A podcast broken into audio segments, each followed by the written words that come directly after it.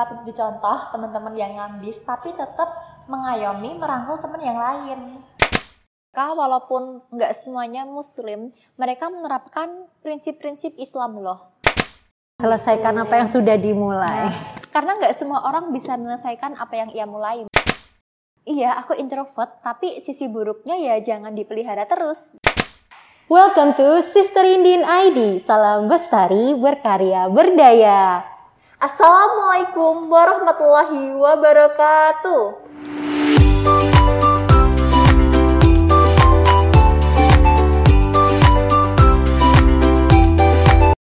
Selamat datang di segmen Bincang Santuy. Segmen Bincang Santuy adalah di mana sebuah segmen Sister Indin ngomongin suatu topik secara santuy. Namanya pertukaran, itu kan kita saling menukar inspirasi kan. Iya, betul. Menurut kamu kalau misalnya yang belum ada di kultur UK, kultur kelas di UK dan enaknya diadopsi ada nggak?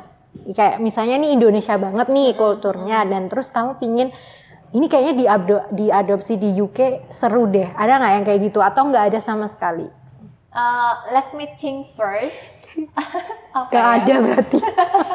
Karena oh um, ini sih kan kalau aku lihat uh, student di UK mereka tuh kayak ambis gitu ya. Oh really? Aku kira mereka yang life sama work life balance gitu loh. Yes, tapi ambisnya nggak kayak yang kelihatan kayak orang Indonesia.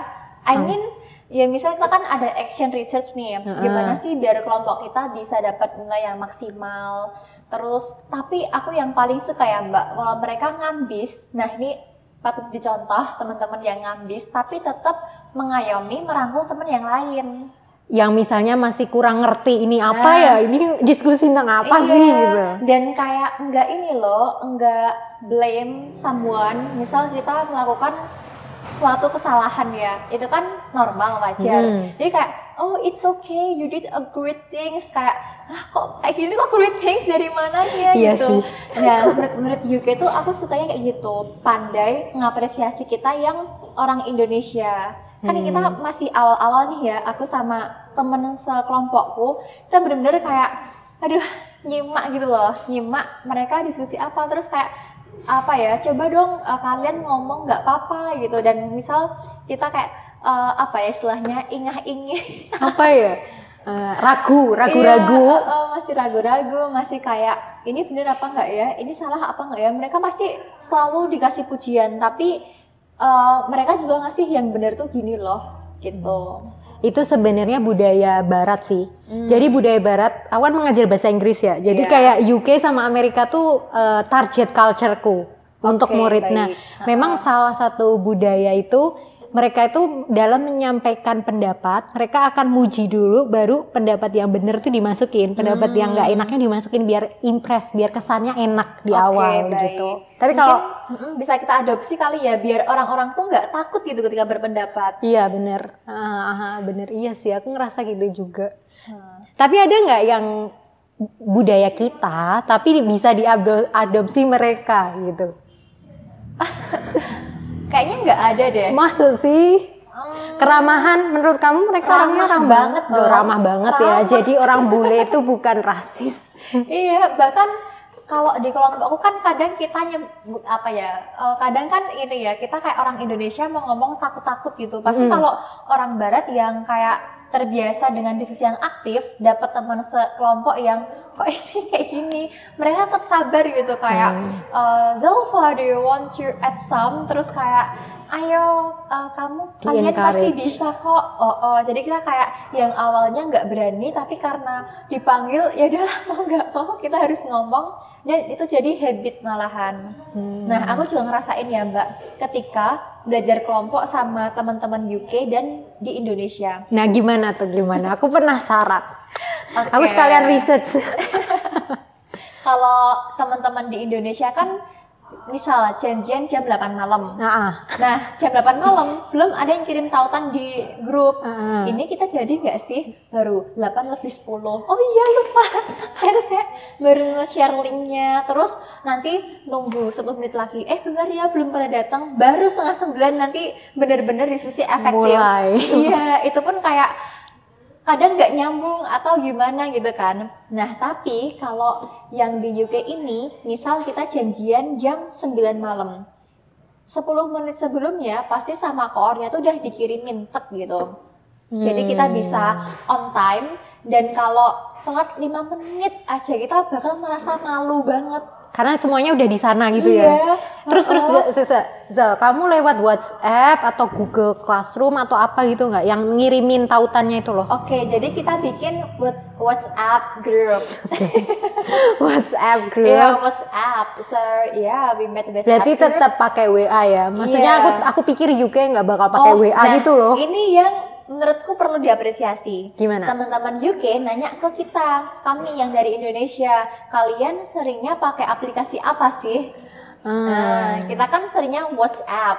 Terus ya udah, akhirnya mereka gimana nih eh, kalian pada bisa nggak install WhatsApp? Akhirnya oh bisa bisa kok. Nah mereka yang ikut kami yang dari Indonesia. Oh, menarik ya. Jadi memang mereka yang menyesuaikan. Betul sekali. Kayaknya kayak Indonesia tuh juga kayaknya kalau pertukaran pelajar menurut aku belum siap menerima tamu internasional karena apa? Apa Karena tuh? kita tuh belum di training gitu loh untuk berkomunikasi sama Ah. orang beda latar budaya. how to treat them well Heeh. gitu ya. Tapi tapi di aku yang aku tahunya kalau universitas-universitas UK mereka tuh udah punya gitu cara-cara menghandle international students Oke. yang bikin mereka tuh nyaman, nggak ngerasa left behind gitu sih. Yang aku tahu dan dari cerita Zalfa kayaknya terbukti sih. Dan semoga Zalfa pingin dong nanti melanjutkan jenjang tinggi ke luar negeri atau memang atau berhenti di pertukaran pelajar aja gitu. Amin. Amin yang mana nih? Kan pertukaran pelajar udah berarti yang yang eh, yang S2 ya. Oke. Amin lah. Semoga kita suatu saat yang aku mendengar ceritanya Zalfa bisa merasakan kultur budaya kuliah di UK. secara langsung ya. Ya. Amin. Tapi Zalfa ngomongin tentang belajar, kamu tadi udah ngomong belajar banyak ya. Ya. Belajar tentang ilmu tadi, ngerancang action research, terus habis itu apa? se- eh, banyak sih kayak hikmah-hikmah yang udah kamu selipkan Ramadan. Ada lagi nggak yang lainnya? Hmm, aku ini sih, walaupun kita kan uh, talking as a muslim ya, Mhm. Mbak muslimah aku juga. Nah, tapi mereka walaupun nggak semuanya muslim, mereka menerapkan prinsip-prinsip Islam loh. Ya contohnya apa? waktu, Ah, ah, ah, ah. terus ramah, Aha. toleransi. Mhm. Itu kan semua diajarkan oleh Islam ya dan Mhm. aku ngefans bukan ngefans ya aku amazed sih sama salah satu temanku dia namanya Sruti ya mungkin uh, it sounds kayak bukan nama Indonesia ya. Ya iyalah ya. Namanya Shruti, if you hear this, Zalfa talking about you. ya halo Sruti Nanti kasih linknya ke Shruti ya, Zal. Oke, Eh, gimana? Oke, jadi um, apalagi si Sruti ini kan dia asli dari uh, India, Mm-mm. tapi menetap di Dubai. Oke. Terus pindah ke London lagi. Ah-ah. Jadi kan dia benar-benar kaya akan budaya ya. Hmm, diverse sama ling- lingkungannya berubah-ubah. Betul sekali. Nah, si Sruti ini kayak menjadi paling dewasa di antara kita. Hmm. Padahal si Sruti ini ya palingan 23 24 lah. Jadi Iya, di iya, iya. UCL tuh emang di atas kita umurnya. Oh, kenapa kayak gitu? Nah, I don't know, kayaknya emang ini mereka bisa habis S1 atau gimana yang bisa ikut Oh, ini. aku tahu deh kayaknya nggak tahu ya ini aku tidak mau mengeneralisasi tapi biasanya orang Eropa itu lebih pilih habis sekolah gap year dulu kayak kayak nyari tahu mereka tuh Oh. minat nggak sih mau sekolah tinggi tuh Heeh. nyari gengsi doang atau memang butuh Kebutuhan gitu ya. jadi kebanyakan yang nggak kayak kita gitu loh dipus cepet-cepet Oh iya, heeh. gap year aja dianggap kayak ah omongan tetangga Ah. bikin hmm. umur 21 udah sukses tuh kayak kita tuh headline headlinenya kayak iya, gitu betul. Nah, si Sruti ini yang pertama, dia itu pasti positive vibes gitu. Aha. Nah, gimana positive vibes-nya? Jadi kan dia tuh pasti on kamera terus ya. Kameranya Ah. dinyalain terus, dia udah kan- siap gitu. Kan kita ada yang matiin kamera, ada yang nyalain gitu kan. Nah, dia selalu on kamera itu yang pertama. Terus dia pasti bakal nyapa satu-satu yang hadir gitu kayak Hai Zolfa, hai Dan adanya tuh ya kayak gitu Kayak antusias, tanpa beban gitu Yang pertama Bagus sih itu kayak padahal adab adab cari ilmu tuh kita lihat gurunya kan, tapi malah diaplikasiin ke orang yang mungkin nggak tahu tentang Oh, iya. apa yang ada di agama kita gitu loh. Betul. Terus si Sruti itu juga yang kayak bisa ngehandle gitu. Kita kan masih bingung ya ini action research gimana, terus pembagian tugasnya gimana, dia kayak tek tek tek gitu. Nah bedanya kan tadi aku bilang ya kalau kerja kelompok sama teman-teman Indonesia itu pasti aduh dua jamnya belum kelar gitu. Tapi kalau sama teman-teman di UK cuma satu jam aja tuh udah em, kelar apa yang jadi tujuan kita. Hmm, menarik ya. Kenapa bisa gitu Zal? Apa Nah. yang membedakan gitu? Oke, what's the difference? Are yang pertama kita pasti udah ini ya em, sebelumnya eh, pertemuan sebelumnya kita bakal apa ya ngelis Checklist. atau nah eh, eh, kita besok mau bahas apa lagi gitu udah dibahas dulu kan jadi kan kayak kita kan bu- punya buku planner tuh kita punya kan rencana apa aja yang harus diselesaikan nah akhirnya karena itulah meetingnya jadi efisien terus kalau mulai melebar si Sruti bakal kayak ini ngurusin lagi jadi kayak aduh aku Gak lupa ada gibah ya? iya Tidak ada gibah di Tidak tengah eh, rapat gitu kan? iya betul sekali Ya tapi itu bagus sih. Jadi memang kadang orang Indonesia mikirnya kalau kita rapat itu harus rapat yang ketemu semua orang. Padahal bisa aja rapat tuh dibahas secara di WhatsApp gitu loh. iya betul Mm-mm. Oke. Terus Zal pernah nggak mengalami tantangan yang susah banget lah tantangan karena perbedaan ini. Terus kamu mengalami tantangan gitu. Pernah nggak ada nggak yang kayak gitu? ada dong ada banget Apa dan gimana caranya Zalfa untuk menyelesaikannya? Oke, yang pertama ya, jujur waktu pertama kali ikut exchange itu aku merasa stres bahkan menangis. Awal-awal bulan pertama. Yeah, at the first, of course I'm crying karena ini ya Mbak, kita pertama aku bukan dari perencanaan wilayah kota, Hmm. tapi modul yang dibagikan sama fasilitator itu materi PWK dan itu berbahasa Inggris berpuluh-puluh halaman.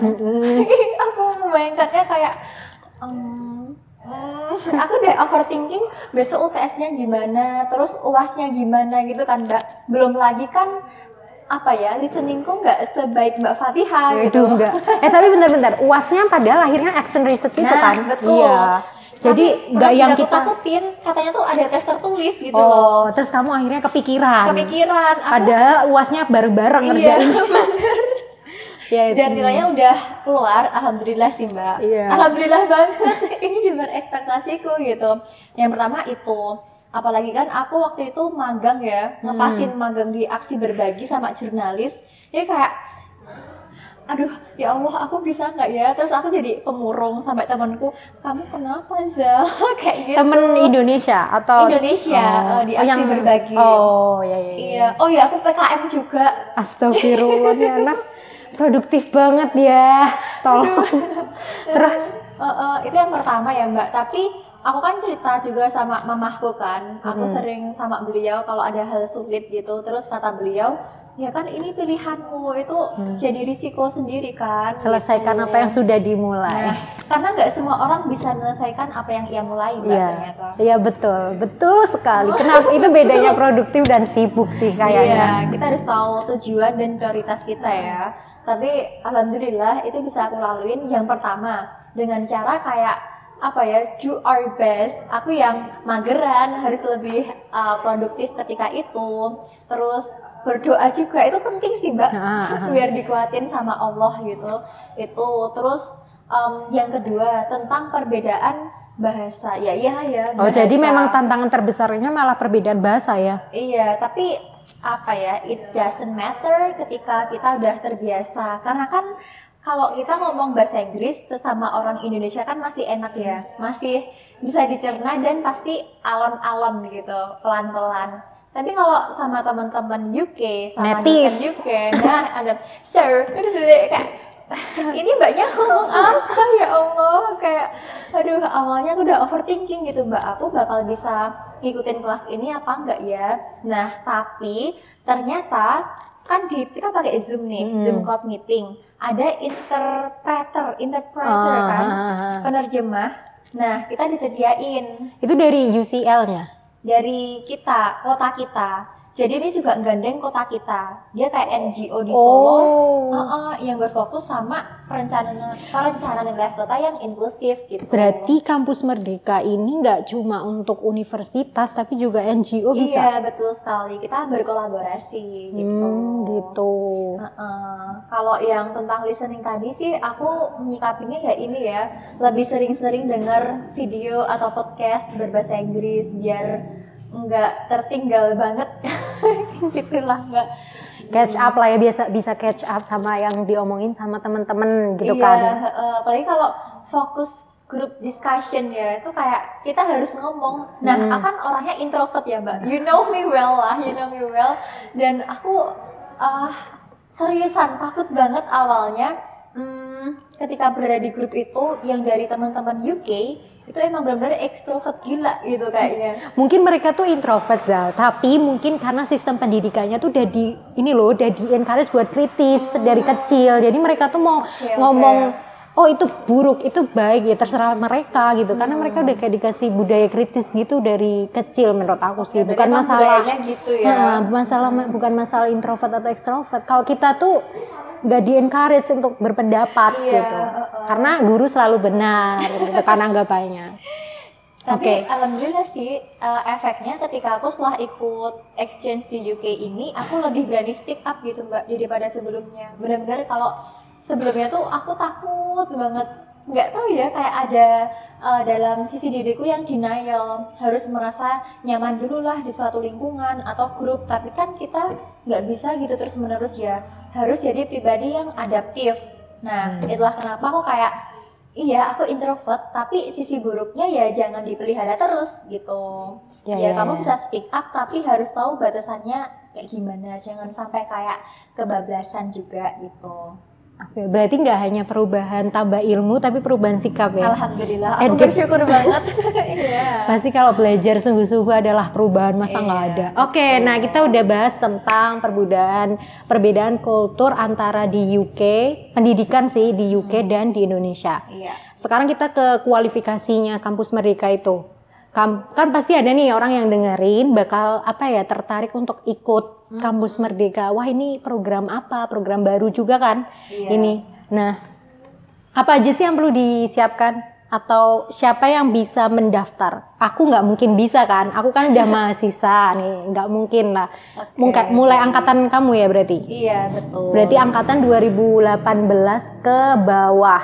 Iya, betul. Dan sekarang nih lagi gencar-gencarnya deh kayaknya di apa ya dikenalkan di lingkungan kampus. Nah, kalau ada yang mau mendaftar nih para sisters, Oke. itu cari taunya di mana?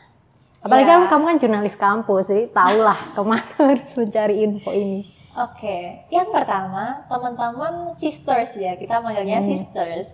Eh, Para sisters em, ini aja pantengin website MBKM-nya Kemendikbud.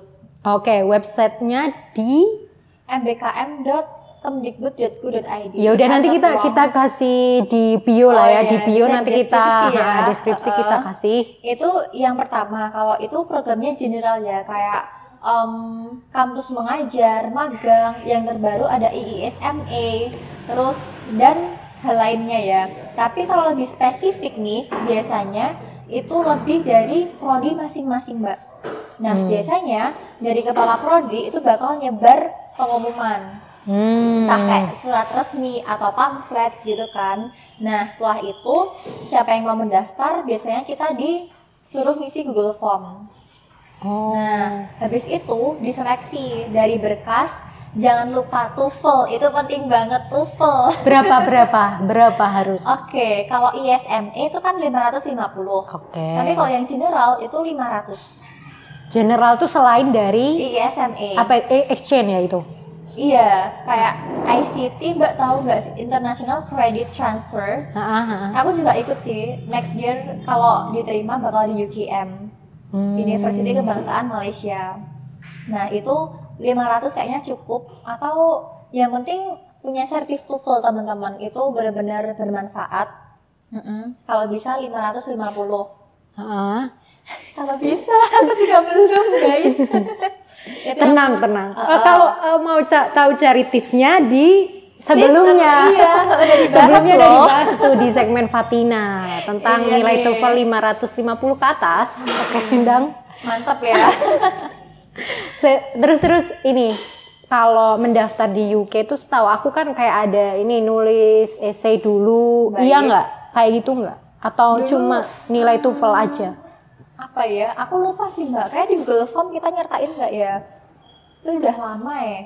Pokoknya kita tuh kayak dikasih Google Form gitu kan, sama formulir pendaftaran. Itu macam-macam lah, kayak motivasi, terus eh, IP kamu berapa, terus apa ya, kayak bener-bener ngulik diri kita gitu.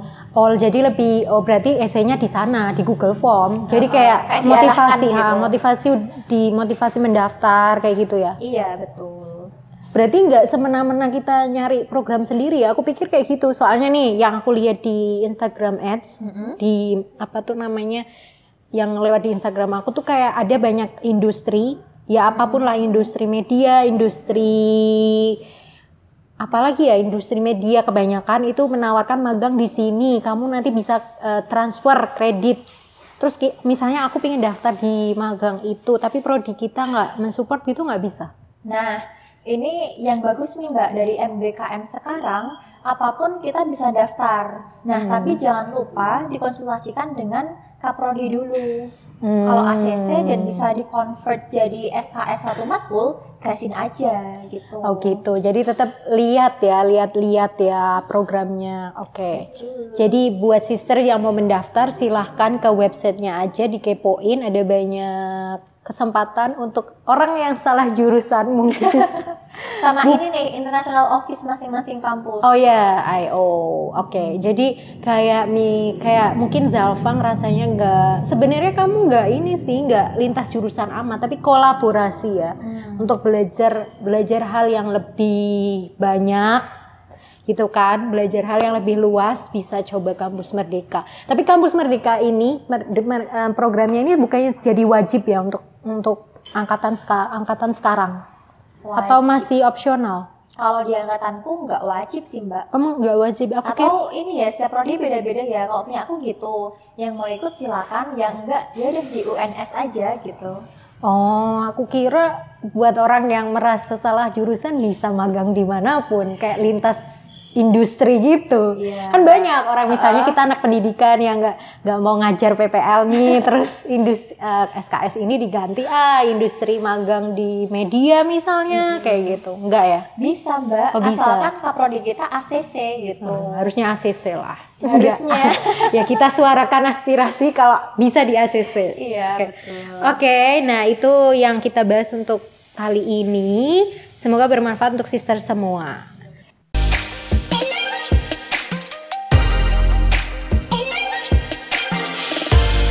This is the end of Sister Indian ID. Salam lestari, berkarya, berdaya. Ilali kok masalamah. Have a blessed day. Wassalamualaikum warahmatullahi wabarakatuh.